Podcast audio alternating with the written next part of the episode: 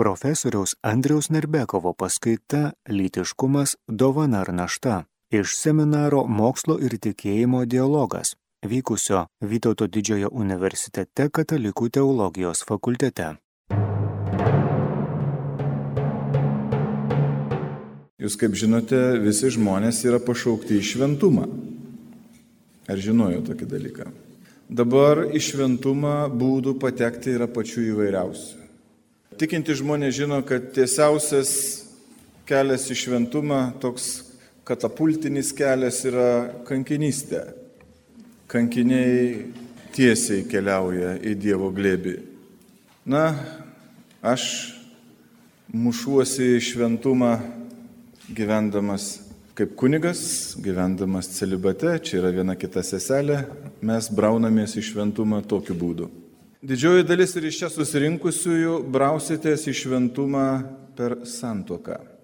Nu ir tūlas galvoja, kad santoka mažu yra toks dalykas. Nugyvensi su tuo pačiu, su ta pačia iki žilos senatvės, o Dievas tuomet griepsi glebi sakydamas, eikš kankinį, tu ištvėriai su šita visą gyvenimą arba su šituo. Nu, neblogas kelias. Sėdi Dievo glebyje, bet aš manau, kad jeigu taip mes galvotumėm, kad e, šitas kelias yra toks, bijau, kad tuoktis norėtų dar mažiau negu dabar. Tai iš kur kyla tie kankinystės dalykai arba apraiškos, nes ir jūs dabar esate lygiai tokioj pačioj situacijoje, kad turėtumėte šito klausimu rūpintis ir kai kalbam apie litiškumą, nu, yra tokia viena savoka, kurią mes čia keletą kartų bandysim aptarti, yra tai, kad e, mes visi esam pašaukti gyventi skaistume. O štai mums kaip lytiškoms būtybėms yra skaistumo kriterijus, kuris lydi mus į šventumą. Dažnai yra galvojama, kad jeigu kalbėsim apie skaistumą, tai mes jau kalbėsim apie nieką. Suprantat, ką noriu pasakyti. Gyventi skaistume reiškia gyventi be nieko. O štai tie, kurie susitokė, bet jie, žinokit, irgi turi gyventi skaistume. Yra toks žodis, kurio aš labai nemėgstu ir visada, kur tik turiu galimybę, tą pasakau. Yra dar toks žodis gyvenimas nekaltybėje. Girdėjau tokį žodį. Ir štai jūs dabar tokie duri jaunuoliai susituoksite ir pradėsit gyventi kaltybėje. Tai va, yra daug dalykų, kurie iš tiesų mums yra svarbus ir reikėtų pasišnekėti, nes e, manau, kad jūs išgirsite ir blogų naujienų, ir gerų naujienų, dėl to, kad yra tam tikros blogos naujienos, aš kaip jas įvardinu, nes ko gero iš karto jau reikėtų pasakyti, ar blogą naujieną nudėti toliau, nežinau, bet gal jums bus e, didesnis noras e, tą blogąją naujieną arba priimti, arba ją atmesti, arba pagaliau suprasti, kodėl šita naujiena nėra tokia bloga. Na, paprastai šnekant, ką mes šnekėsim čia apie litiškumą, tai blogoji naujiena pagrindinė būtų tokia, kad e, tie žmonės, kurie šitoj salėje yra, tie, kurie yra nevedę, jie neturi teisės į santokinį litinį aktą. Tai didžiai daliai naujiena bloga. Yra gana nusiminusių žmonių. Visai bando spręsti šitą klausimą ir aš e, primenu tai, kad paprastai atsiranda žmonių, kurie sako, nu, Mums nelabai to santokinio reikia, mums ir paprasto užtenka. Tai kur yra tie skirtumai iš tikrųjų, ką mes galėtumėm pasakyti ir manau, kad jūs esate jau tokie, dėl kurių mums nekyla jokių klausimų, kad jūs ir, ir norite, ir ko gero mokėtumėte, ir galėtumėte, bet štai va ta blogoji naujiena.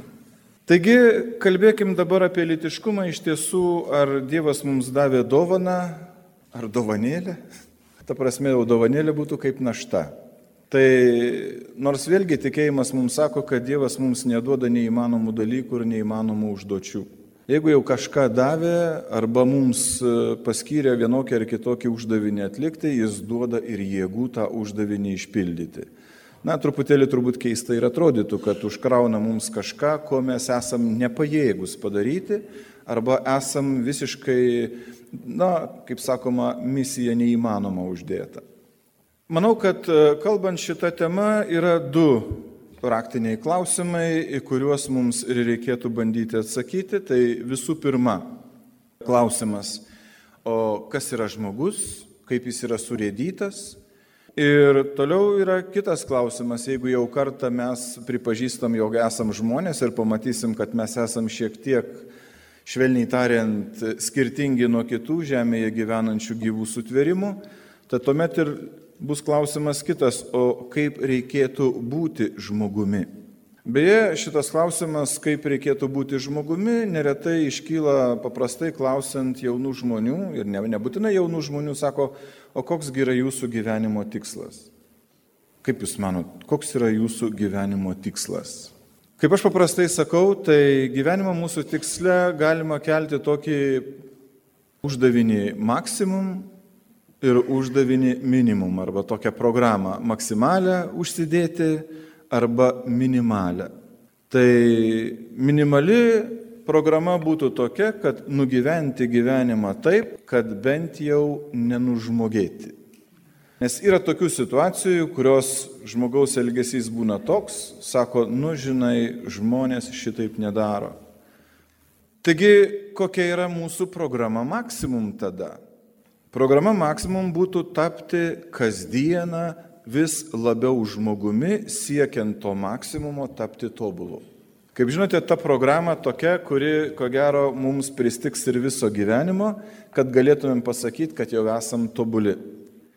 Bet jau tokia yra bendra taisyklė, kad jeigu žmogus savo nekelia reikalavimų didelių, savo palieka labai mažus reikalavimus, tai tu to didelio reikalavimo nepasieksi, bet vis tiek kažkur arti to gali būti. Bet jeigu tavo reikalavimai yra labai žemi, tai tu tą pasiekdamas taip ir liksi labai žemai. Tai štai manau, kad mums turėtų būti svarbu atsakyti į tuos klausimus, o kaipgi reikia būti tuo žmogumi. Visų pirma, mūsų kalba turėtų prasidėti nuo to, kaip mes suprantame žmogų, kaip mes patys save suprantam.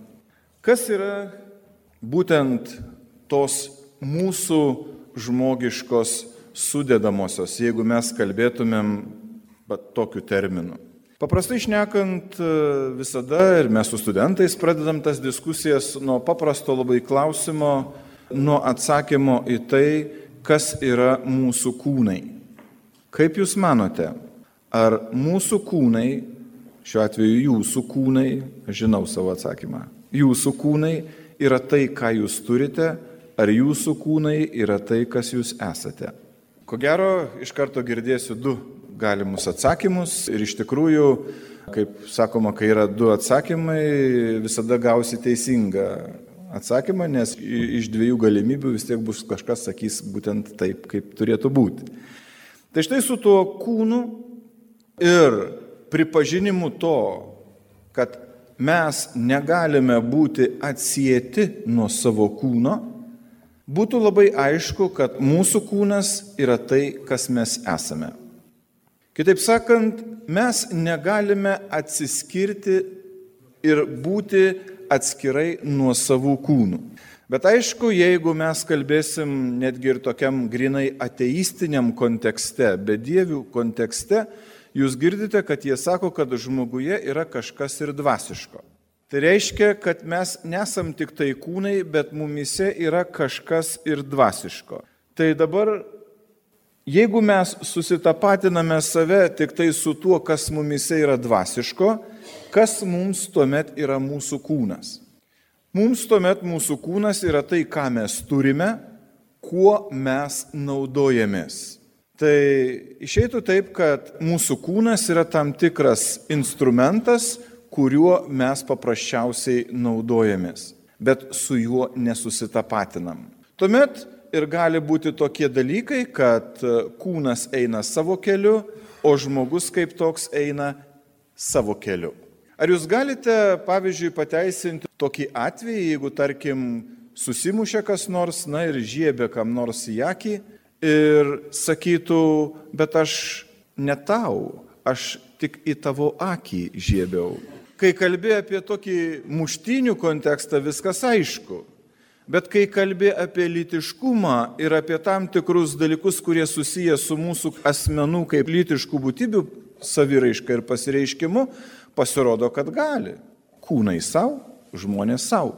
Kaip paprastai sakoma, būna tokių atvejų, kai susitiko du kūnai, ten kažkas įvyko, bet du žmonės taip ir nesusitiko. Tai štai tokie dalykai yra neįmanomi. Aš vis cituoju, tai tokie posakiai, kurie jums jau yra įprastiniai. Kad moteris su savo kūnu gali daryti, ką nori. Ir vyras, nenusiminkit vyrai, ir jūs sako, galite su savo kūnais daryti, ką norit. Bet ar tai yra tiesa pasakyta? Tiesa būtų pasakyta tada, jeigu jūs sakytumėt arba girdėtumėt tokį pasakymą, žmogus su savimi gali daryti, ką nori. Taip. Dievas taip jau sukūrė mus, kad mes esam laisvi. Ir puikiai žinom, ko negalima daryti, bet labai dažnai darom. Nes kaip dažnai būna, žinot, ko labiau negali, tuo labiau ir nori. Tai štai jeigu mes sakytumėm, kad su savimi žmogus kažką daro, tai taip. Bet su savo kūnu daro, bet ne su savimi, jau atleiskit, čia kvepia šizofrenija. Šizofrenija, nes žodis šizofrenija, kaip žinote, yra kilęs iš suskilusio proto. Protas suskilo. Ir mes dabar čia kalbam apie žmogų, kurį lygiai taip pat galima suskaldyti. Jeigu mes žmogų sutapatinsim su dvasiniu pradu ir atskirsim nuo kūno, mes aiškiai turim dualistinį žmogaus supratimą, kitaip sakant, šizofrenišką. Mes į žmogų žiūrim kaip į atskiras dalis. Kūnas savo, dvasinis pradas savo. Taigi, jeigu mes tokiais nenorim būti, taigi turim suprasti, kad tai nėra čia tokia aritmetika, bet tai yra dvi neatskiriamos sudėdamosios, kurios yra priešingos dualistiniai sampratai. Kaip matote, jeigu aš turiu kūną, tai lygiai taip pat kaip turiu ir daiktą. Nes, na, pažiūrėkit, tokia paprasta situacija. Kaip jūs žinote arba atpažįstate situaciją, jog jūs jau esate tikri, kad matote šitą žmogų? Na, tarkim, jūs pareinate namo ir prie jūsų namo durų stovi tėčio automobilis.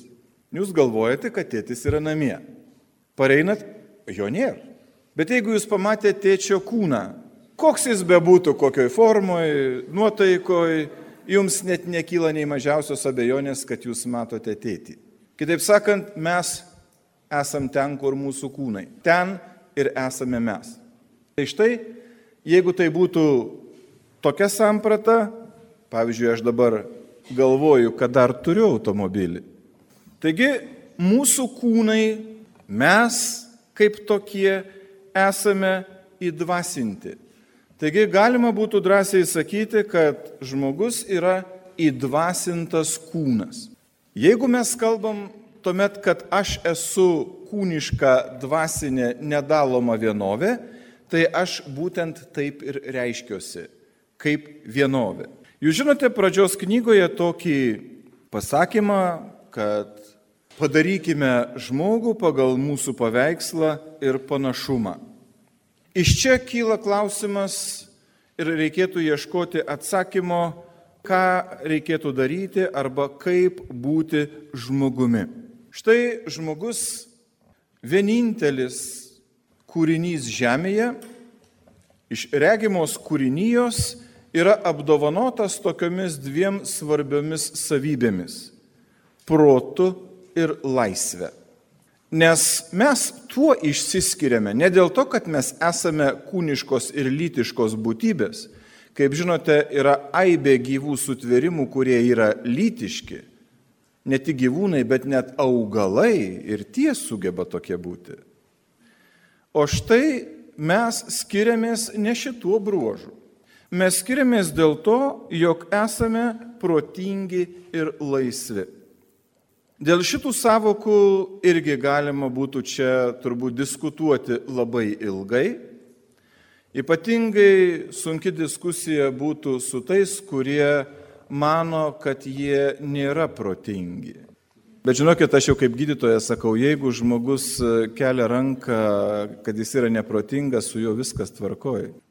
Tai reiškia, klausimas yra labai paprastas ir žmogus yra vienintelis protingas dėl to, kad jisai geba daryti tam tikrus dalykus, ko negeba padaryti net ir pats protingiausias jūsų katinas arba šuo. Iš tiesų, mūsų protingumas pasižymi tame, kad žmogus geba atpažinti reiškinių esmę, sugeba bendrauti savokomis, sugeba kurti, sugeba gaminti, sugeba daugybę dalykų, ko nesugeba daugelis kitų gyvų sutvėrimų. Dėl to savybės, kad jūs esate protingi, jūs vadinatės mokiniai.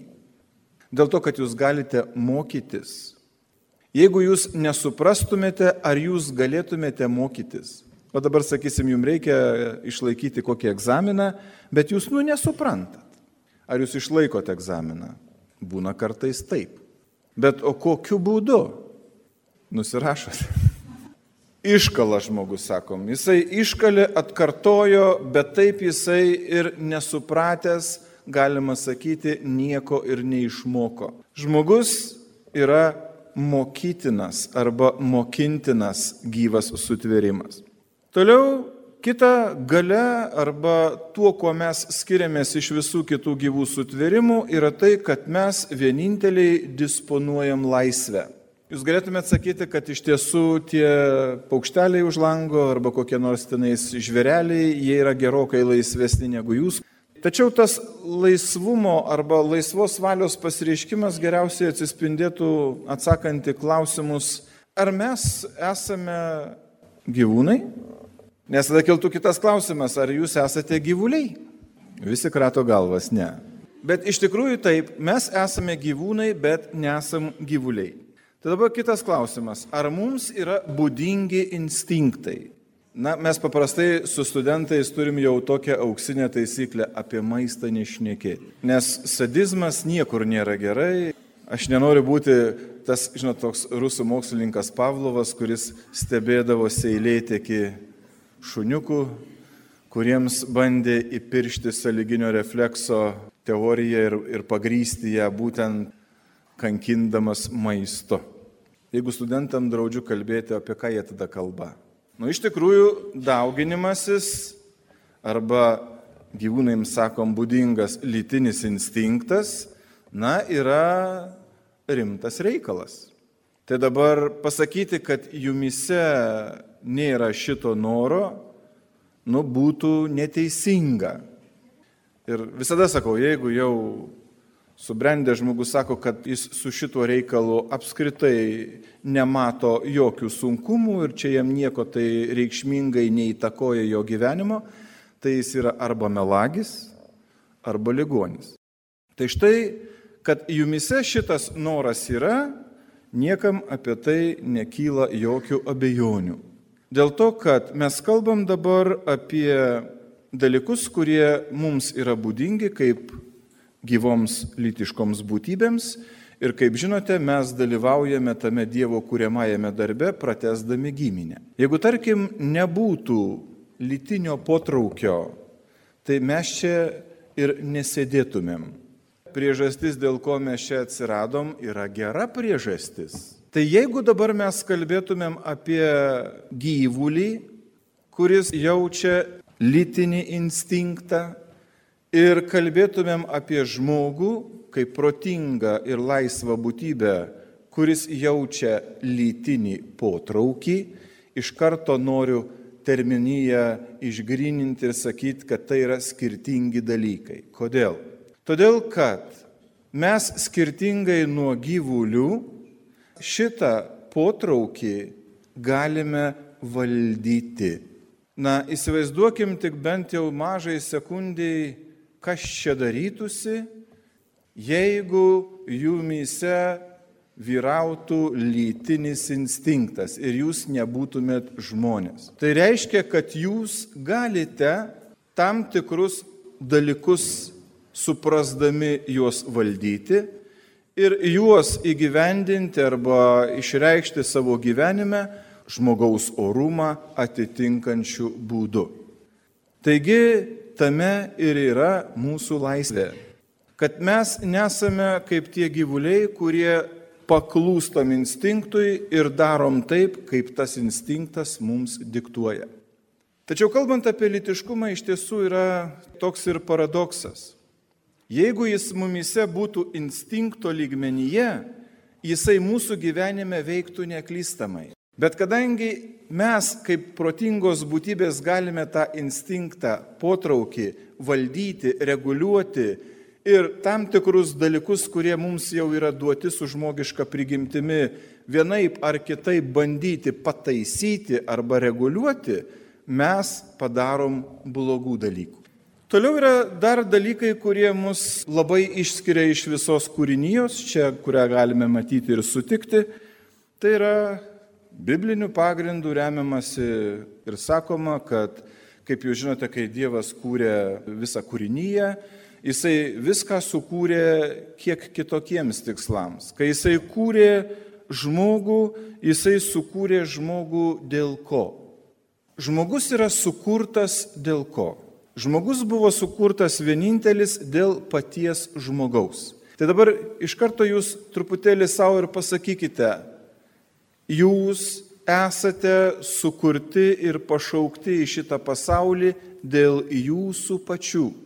Ir jeigu jūsų kas nors gyvenime nori kitaip, ne dėl jūsų pačių, bet dėl savęs, visuomet iškyla reali grėsmė jūsų žmogiškam orumui. Iškyla grėsmė, kad jumis gali pasinaudoti Dar daugiau, jūs ir rinkdamiesi žmogų, su kuriuo norėsite susijęti savo gyvenimą, savo būsimą sutoktinį, jūs taip pat turite galvoti ir renkantis, juk yra baisiai sunku, kaip vienas jaunas žmogus sako, nu žinot, sako, iš kelių draugių nu viena išeitų tobulą. Iš kelių, nes viena turi vieną gerą bruožą, kita kitą bruožą, kita trečią Vat jeigu sudėjus iš jų ir išeitų viena, tai būtų tobula. Tai ką tai reiškia, jeigu jūs renkatės kitą žmogų savo kaip būsimą sutoktinį? Visa bėda yra ta, kad mes renkamės kitą žmogų dėl ko? Dėl savęs pačių. Čia yra vargo vakarienės pradžia. Jūs turėtumėte rinktis kitą žmogų dėl to kito žmogaus. Ir čia būtų jums didelis palengvėjimas. Nes įsivaizduokite situaciją, jūs atleiskite, bet būdami netobuli, renkatės kitą žmogų netobulą, bet jūs norite padaryti tobulą pagal savo netobulumą. Matot, kokia makalynė gaunasi. Ir iš tiesų jau atsiranda labai daug sunkumų. Todėl norėti kito žmogaus dėl jo paties yra Dievo norėtas planas žmogui ir tuomet yra labai paprasta. Tada tu priimi žmogų tokį, koks jis yra. Tai štai čia yra tas panašumo į Dievą bruožas, kad mes kitą žmogų mylime tokį, koks jis yra. Čia kažkada buvo toks serialas, nežinau net jo pavadinimo, bet ten vaikai daug e, reikalų suaugusių gyvenime spręsdavo, bet prisimenu ten tokį epizodą, kad buvo viena mergina, jau tokia gana brandaus amžiaus, artėjančio prie tokio vieno termino, kurio nemėgsta žmonės. Ir jinai draugavo su vyriškiu, kuris, nu, pasirodo, buvo baisiai netvarkingas ir prineždavo daug e, žemių į namus. Nu, purvo. Ir jinai jį išvarė. Bet kada pamatė, kad yra blogai be jo, ir jinai tada po kiek laiko jam sako, žinai, sako, aš tave labai myliu, noriu, kad tu sugrįžtum, dabar galėsi nešti žemę į namus, kiek tik panorėsi. Taigi, kitaip sakant, jums reikia labai aiškiai turėti tokį suvokimą, kad jeigu jau myli žmogų, mylėk jį tokį, koks jis yra. Ir manau, kad čia yra daugelio šeimų ir tam tikra bėda ir tų, kurie susituokė. Nes, na, yra paprasta elementari taisyklė. Juk jeigu myli žmogų, mylėk tai, kas tam žmogui brangu. O jūs žinote nuo žmonijos atsiradimo pradžios pasakojimus apie ošvienės. Ošvienė yra tavo vyro mama. o vyras mamą paprastai jau labai myli. Nu ar sunku suprasti, kad tu turi mylėti ir tą, ką tavo vyras myli. Taigi mums, kaip toms būtybėms, kurios yra sukurtos laisvos, protingos ir sukurtos dėl jų pačių, yra labai svarbu nebūti panaudotiems. Žmogus nėra daiktas. Žmogus žmogui turi visada būti kas? Tikslas. Tai kaip čia dabar, jeigu mes kalbam apie žmogų kaip kūnišką lytinę būtybę? Kaip nepatapti priemonę? Kaip nepatapti daiktų, o kaip išlikti visuomet tikslu? Dievas jau taip sutvėrė mus, kaip mes jau čia šnekėjom ir įsivaizduojam, kaip kūniškas lytinės būtybės, protingas ir laisvas. Jisai mums dar duoda tam tikrų dalykų, kad mes sugebėtumėm jų neatmesdami, neignoruodami, nepatekti į bėdą. Šiuo atveju nepatekti į priemonių sąrašą. Jūs žinote tokį žodį, kurį aš dabar pasakysiu, bet kai reikia jį apibriežti, būna sunkiau. Girdėjote apie tokį žodį drovumas. Puikiai įsivaizduojam, jeigu čia dabar reikėtų pavaizduoti viename kampe labai drovę merginą ir labai drovų jaunuolį, o šitoj pusėje juos iš viso be jokio drovumo. O ką tai reiškia? Jeigu žmogus nepaiso drovumo kaip tokio, jūs turit neužmiršti, bet aišku, jūsų gyvenimas tik prasideda, tačiau reikėtų labai aiškiai matyti, kad vyras ir moteris labai smarkiai skiriasi. Ne tik išoriškai skiriasi, nors jums bando dabar pasakyti, kad čia išoriniai skirtumai yra tokie beveik nežymus. Bet kad jūs žinotumėt, kad jūs esate visai skirtingi du pasauliai ir jūs pasaulį matote labai skirtingai. Įsivaizduokime situaciją, kada, na tokia gana liūdna situacija būna, kada, bet jau jinai yra tokia klasikinė ir įprastinė, kada sako, na va, sutiko iš matymo pažįstamą arba nepažįstamą vaikiną, su juo nuėjo į kiną, paskui į restoraną, paskui nuėjo pas jį į namus, išgėrė šampano, o ryte rašo pareiškimą. Bet netuoktis. Tai kur yra problema? Todėl, kad praradus drovumą nutinka taip, kad gali patekti į priemonių sąrašą. Drovumas gali būti ir matomas arba suprantamas arba iš naivumo gali net nežinoti, kad elgiesi nedroviai. Bet žiūrėkim dabar, skom apie vaikiną ir merginą, kurie buvo praradę drovumą, bet štai dabar žmonės, kurie susituokė ir štai tik nuo altoriaus ir jau jie vienas kito akise visiškai nuogi. Ar jie pasidaro tokie basarmačiai, Buvo drovus, atrodo, geri vaikai. Ir susitokė visai nuogi. Jau daugiau nesakau, kas toliau, bet nubaisu atrodyt galėtų. O klausimas yra, kodėl jie taip elgesi. Tuomet, kada jūs, mėlyjeji, susituoksite ir jūs būsite šalia to žmogaus, kuris yra vienintelis jūsų gyvenime, tai bus vieno vyro ir vienos moters bendras gyvenimas, jūs tapsit vienu kūnu tai iš principo vienas žmogus kito žmogaus išnaudoti, panaudoti negali. Taigi drovumas kaip toks, jisai ištirpsta, jis santokoje nėra reikalingas. Taigi norint nepatekti į tų priemonių sąrašą, nereikėtų drovumo išmesti iš gyvenimo anksčiau, negu įvyksta santoka. Bet pažiūrėkim, kaip vyksta tos diskusijos. Aš labai gerai prisimenu Esu buvęs Raseinių vienoje mokykloje ir štai vyko tokia diskusija. Vienas jaunuolis ir sako, nu bet kunigė sako, kaip aš galiu tuoktis, vesti merginą, jeigu aš nepabandžiau, o mažu mes viens kitam netinkam. Nu, vis tiek žemaitis galvoja, čia išleisi pinigus, čia veselė, čia viskas, katinas maišė ir ne tas. Nu, rimtas žmogus, tikrai jis labai rimtai kalbėjo ir visa kita. Ir Tai vad su šito žmogu ir kalba vyksta maždaug taip, kad nu, jisai masto teisingą linkmę. Tikrai reikia įsitikinti prieš kažką, įsigijant, prieš kažką darant. Sakau, jeigu tu pirksi automobilį kokiam rietavo turgui, nors tas automobilis ir labai gražiai atrodys, blizgės net visas, bet tu pavažinėk su juo. Įsėsk ir pravažiuok bent vieną kitą gatvę ir tu pamatysi, ar reikia jį pirkti, ar nereikia pirkti. Nu teisingai, sako visi, taip ir reikia daryti. Bet jeigu taip jūs galvojate, kad reikėtų pabandyti su žmogum, ar jums netrodo, kad jūs žmogų prilygina daiktui, automobiliui? Na jeigu tu pabandysi su tuo asmeniu tau netiko, tu tą asmenį paliksi, tu bandysi kitą, tai kur tie asmenys atsiduria? Jie atsiduria priemonių sąraše. Jie yra panaudoti ir palikti. Bet prisiminkite tą mums įgimtą Dievo duotą orumo savybę. Tai yra prieš žmogaus orumą. Ir vėl pažiūrėkite tas skirtumas psichologinis ir didžiulis naivumas. Sako, įrodyk, kad myli.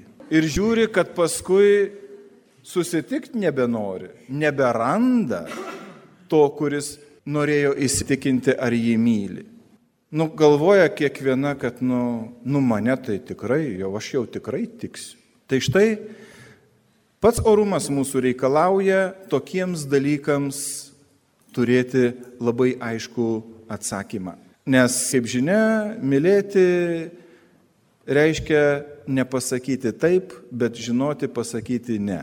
Kitaip sakant, tai būtų jūsų tos draugystės, kurios dabar yra galimos kontekste.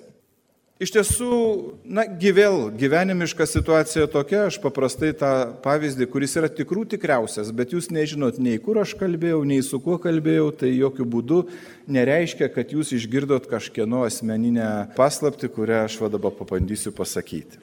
Tai iš tiesų ir nebuvo išpažintis, tai galiu drąsiai ir šnekėti, bet, bet buvo pokalbis su viena jauna mergina, kuri buvo jau studentė, bet jinai kalbėjo su manim, tiesiog ateina, sako, nu, žinot, sako kunigė, aš beveik kaip ir išpažinti norėčiau atlikti, bet žinot, kad tai, ką aš jums dabar sakysiu, kai aš pasakau kunigams, tai jie visi sako, nieko tau negaliu padėti, eik iš čia. Nu galvoju, ką jinai čia man dabar pasakys. Nu sakau, mes dar nepradėjom kalbėti, sako, tai, tai bent jau tą baisę žinią pasakykit, nu kas čia tokio yra. Na, jinai sako tokį dalyką, sako, kunigai, aš draugauju su trim draugais, su visais intimius turiu ryšius, sako, dėl to anei kiek nesigailiu, o jūs kunigai to nesuprantat. Po šito teksto būna atsakymas, kad, nu ką, labai gaila, bet, bet nieko tau negaliu padėti. Jūs žinot, kad pirmiausia reikia ko? Reikia gailėtis. Tai va dabar mano didžiausias uždavinys yra, kaip padaryti, kad jinai imtų gailėtis. Nu tada kalbėsi tokiu vėlgi jaunam žmogui suprantamu kontekstu. Sakai, na, ko gero tie jūsų trys draugai nežino, kad yra trys. Nu sako, žinoma, kunigi. Kiekvienas iš jų galvoja, kad yra vienintelis, nepakartojamas, unikalus ir, kaip sakoma, pats, pats, pats. Tai dabar jeigu tu susirasi ketvirtą, tu tuos tris paliksi, tai jie bus panaudoti ir palikti, o tu ištekėsi už ketvirtą. Nusako taip.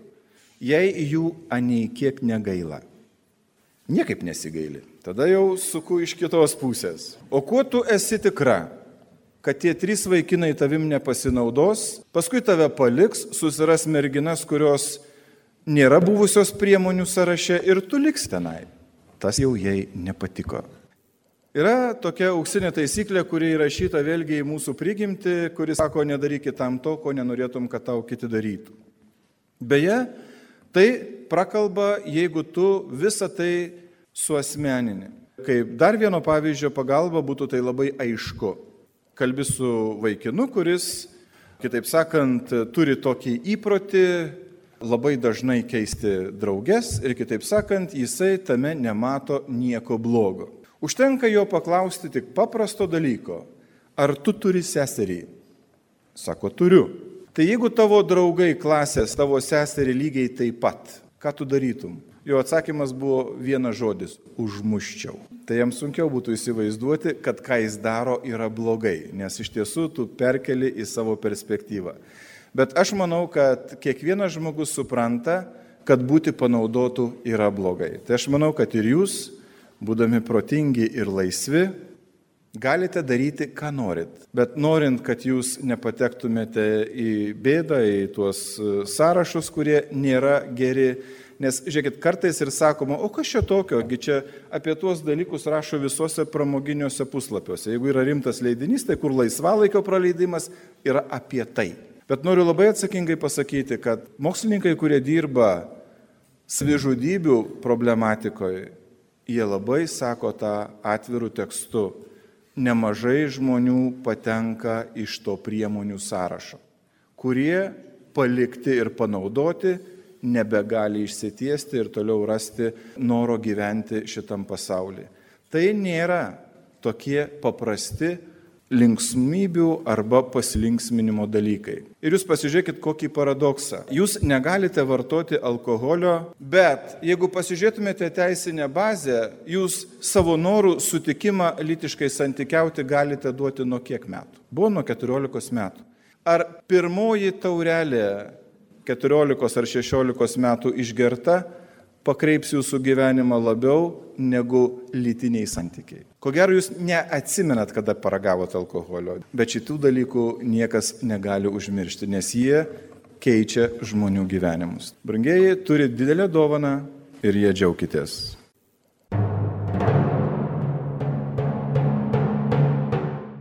Girdėjote profesoriaus Andriaus Narbekovo paskaitą Lytiškumas dovana ar našta iš seminaro Mokslo ir tikėjimo dialogas vykusio Vytauto didžiojo universitete katalikų teologijos fakultete.